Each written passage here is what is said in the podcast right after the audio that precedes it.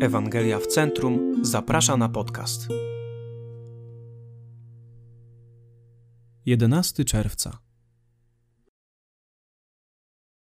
Żadna ilość wstydu lub poczucia winy nie może zrobić tego, co łaska, czyli uczynić z nas ludzi rozkoszujących się wolą Ojca. Nigdy nie zrozumiesz swojej walki z grzechem, jeśli nie pojmiesz samego sedna, że grzech jest problemem serca. Nie jest to kwestia złego zachowania, choć często tak się właśnie objawia. Nie jest to problem zewnętrznych pokus, choć sprawia, że często im ulegamy.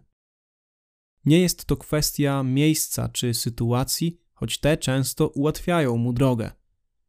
Grzech to przede wszystkim kwestia serca. Pozwól mi wyjaśnić, co to oznacza. Biblia stosuje wiele terminów na określenie wewnętrznego, duchowego człowieka, jego myśli, pragnień i motywacji, ale one wszystkie znajdują podsumowanie w jednym dużym zbiorczym terminie serce.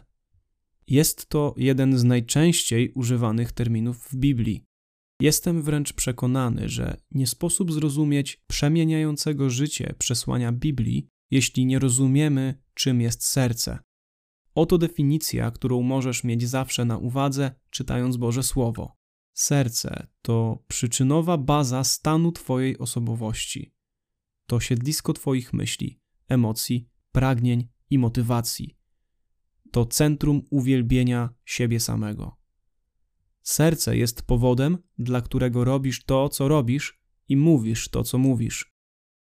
Wszyscy dosłownie żyjemy prosto z naszego serca. Grzech też mieszka w naszym sercu, a ponieważ tak jest, deprawuje nasze myśli, pragnienia, decyzje i motywacje. Zostaliśmy stworzeni, by być Bożymi sługami, ale grzech sprawia, że kochamy siebie. Bóg uczynił nas, byśmy wielbili Stwórcę, ale grzech sprawił, że uwielbiamy stworzenie. Zostaliśmy skonstruowani, by żyć dla Bożej chwały ale grzech sprawia, że nasze życie zaczyna kręcić się głównie wokół naszej chwały. Jeśli te rzeczy w naszym sercu się nie zmienią, nasze zachowanie również nie może się zmienić, a jeśli nawet, to nie na długo.